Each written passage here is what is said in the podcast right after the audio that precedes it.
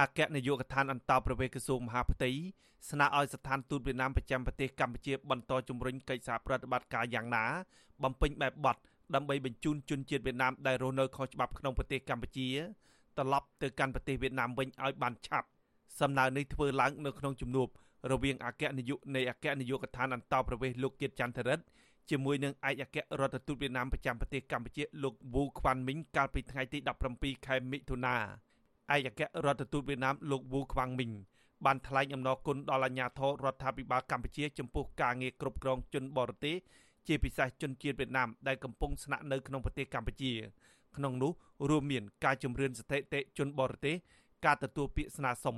និងផ្ដល់បានស្នាក់នៅអចិន្ត្រៃយ៍និងការអនុវត្តច្បាប់អន្តោប្រវេសន៍ជាដើមក៏ប៉ុន្តែទន្ទឹមនឹងនេះលោកវូខ្វាងមីងបានលើកឡើងផងដែរអំពីបញ្ហាប្រឈមមួយចំនួនពាក់ព័ន្ធទៅនឹងរឿងសិទ្ធិ និងប្រសិទ្ធភាពនៃការប្រើប្រាស់បានស្នាក់នៅអចិន្ត្រៃយ៍ក្នុងជីវភាពប្រចាំថ្ងៃរបស់ប្រជាជនវៀតណាមនៅរាជធានីភ្នំពេញនិងនៅតាមបណ្ដាខេត្តផងដែរឆ្លើយតបទៅនឹងការលើកឡើងរបស់តំណាងរដ្ឋាភិបាលវៀតណាមប្រចាំប្រទេសកម្ពុជានេះអគ្គនាយកនៃអគ្គនាយកដ្ឋានអន្តរប្រវេសក្រសួងមហាផ្ទៃថ្លែងថាអគ្គនាយកដ្ឋានអន្តរប្រវេសនឹងសម្របសម្រួលបន្ថែមទៀតលើការងារផ្សព្វផ្សាយបទបញ្ញត្តិស្ដីពីសិទ្ធិការប្រើប្រាស់បានស្នាក់នៅអចិន្ត្រៃយ៍សម្រាប់ជនជាតិវៀតណាមនៅកម្ពុជា ឲ្យបានដល់អាជ្ញាធរមូលដ្ឋានតាមរាជធានីខេត្តមេបលីអន្តោប្រវេសន៍រូបនេះបានស្នើដល់ឯកអគ្គរដ្ឋទូតវៀតណាមវិញឲ្យជួយជំរុញក្នុងការបំពេញបែបបទដើម្បីបញ្ជូនជនជាតិវៀតណាមខុសច្បាប់នៅកម្ពុជាឲ្យត្រឡប់ទៅកាន់ប្រទេសវៀតណាមវិញលោកគៀតចន្ទរិទ្ធបានបញ្ជាក់ប្រាប់ឯកអគ្គរដ្ឋទូតវៀតណាមថាកិច្ចប្រតិបត្តិការការងារគ្រប់គ្រងជនបរទេសនិងការអនុវត្តច្បាប់អន្តោប្រវេសន៍នៅកម្ពុជាពុំមានការរើសអើងឡើយសំណើនឹងចំហរបស់អគ្គនាយកដ្ឋានអន្តោប្រវេសន៍នេះ ធ្វើឡើងបន្ទាប់ពីអាជ្ញាធររាជធានីភ្នំពេញបានតម្រូវឲ្យអ្នករស់នៅជំរកបណ្ដែតទឹកបាយចិញ្ចឹមត្រី និងទូកនេសាទជាច្រើនរុះរើសំណង់របស់ខ្លួនចេញដែលអ្នកទាំងនោះភ ieck ច្រើនជាជនជាតិវៀតណាមបន្ទាប់ពីការរុះរើសំណង់ចេញនាពេលថ្មីៗនេះជនជាតិវៀតណាមមួយចំនួនបានបំលាស់ទីពីទីក្រុងភ្នំពេញទៅកាន់ប្រទេសវៀតណាមតាមដងទន្លេមេគង្គប៉ុន្តែអាជ្ញាធរវៀតណាមពុំអនុញ្ញាតឲ្យពួកគេចូលប្រទេសវៀតណាមវិញឡើយក្រោមហេតុផលទប់ស្កាត់ជំងឺ Covid-19 អង្គការសង្គមស៊ីវិលដែលតាមដានករណីនេះឲ្យដឹងថាជំរកផ្ទះបណ្ដែតទឹកទាំងនោះកំពុងកកស្ទះតាមដងទន្លេនៅក្នុងតំបន់ព្រំដែនកម្ពុជាវៀតណាមនៅក្នុងភូមិសាស្ត្រខេត្តកណ្ដាលអាស៊ីសេរីពុំអាចតាក់ទងអភិបាលខេត្តកណ្ដាលលោកកុងសុភ័ណ្ឌដើម្បីសុំការបំភ្លឺរឿងនេះបាននៅឡើយទេនៅថ្ងៃទី18មិថុនាប្រធានអង្គការការពារសិទ្ធិជនជាតិភៀតតិចលោកតូតកំស្រួយយល់ថាអាញាធរវៀតណាមនិងអាញាធរខ្មែរ គួរតែសហការគ្នាសាងសង់កន្លែងស្នាក់នៅបណ្ដោះអាសន្នមួយដើម្បីឲ្យជនជាតិវៀតណាមទាំងនោះធ្វើចាត់តាលិខិតជាមុនសិនមុននឹងត្រឡប់ចូលទៅកាន់ប្រទេសវៀតណាមវិញលើពីនេះអាជ្ញាធរខ្មែរត្រូវតែអនុវត្តច្បាប់អន្តោប្រវេសន៍ឲ្យបានម៉ឺងម៉ាត់ដោយភ្ជាប់ជាមួយនឹងគោលការណ៍សិទ្ធិមនុស្ស បាទមិនឲ្យយើងវិលមកវិញទេព្រោះអីបើ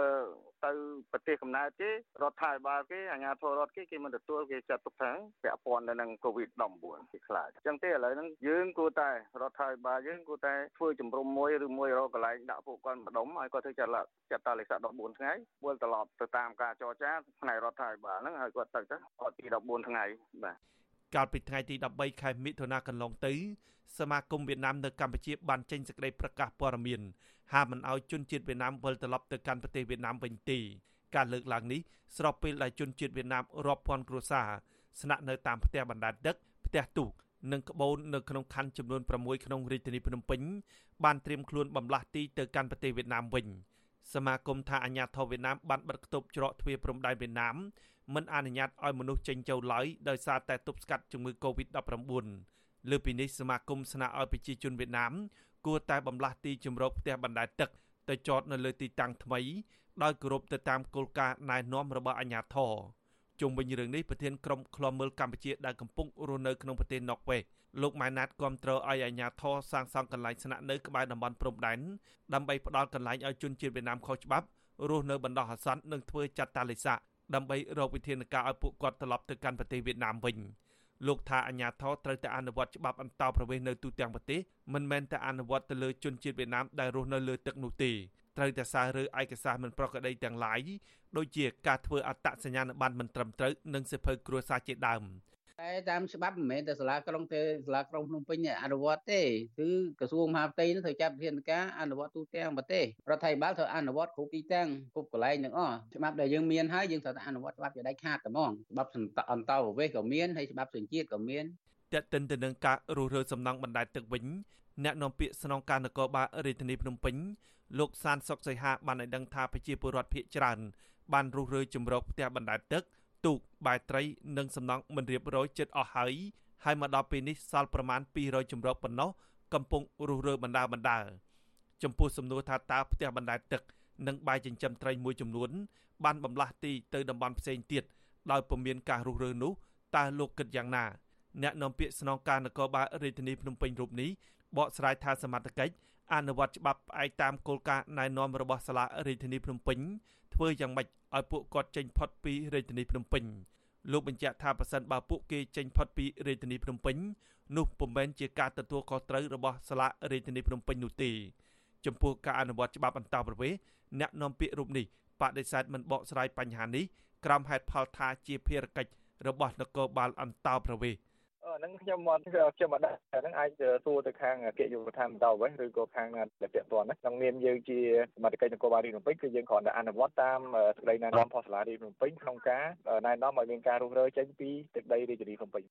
មកដល់ពេលនេះអាជ្ញាធរមិនទាន់បង្ហាញទិន្នន័យច្បាស់លាស់ចំពោះអ្នកស្នាក់នៅលើបែត្រី ផ្ទះបណ្ដែតទឹកនិងសំណង់មិនរៀបរយទាំងអស់នោះឡើយតែសមាគមវៀតណាមនៅកម្ពុជាអះអាងថាជនជាតិវៀតណាមជាង1000គ្រួសារ ស្នាក់នៅលើផ្ទះបណ្ដែតទឹកក្នុងរាជធានីភ្នំពេញយូរឆ្នាំហើយគណៈជនជាតិវៀតណាមមានចំនួនជាង100ផ្ទះបានបណ្ដែតពីខេត្តកំពង់ឆ្នាំងចូលមក ក្រៅពីនោះមួយចំនួនទៀតគឺជាជនជាតិចាមតែតិនទៅនឹងរឿងជនបរទេសស្នាក់នៅខុសច្បាប់ក្នុងប្រទេសកម្ពុជានេះអគ្គនាយកនៃអគ្គនាយកអន្តរប្រវេសន៍លោកគៀតចន្ទរិទ្ធក៏បានស្នើដល់ភាគីចិនឲ្យពន្លឿននីតិវិធីនានាដើម្បីនាំយកជនជាតិចិនដែលប្រព្រឹត្តបទល្មើសផ្សេងផ្សេង ដែលត្រូវបានឃាត់ខ្លួននៅក្នុងប្រទេសកម្ពុជាឲ្យត្រឡប់ទៅកាន់ប្រទេសចិនវិញផងដែរសំណើនេះធ្វើឡើងនៅក្នុងជំនួបរវាងលោកគៀតចន្ទរិទ្ធនិងគណៈប្រតិភូតំណាងក្រសួងសន្តិសុខសាធារណរដ្ឋចិនលោកវូជៀនមីងកាលពីថ្ងៃទី17ខែមិថុនាពលគឺក្នុងថ្ងៃតែមួយដែលលោកបានស្នើសុំទៅភាគីវៀតណាមខ្ញុំបាទហេងរស្មី អាស៊ីសេរីពីរដ្ឋធានី Washington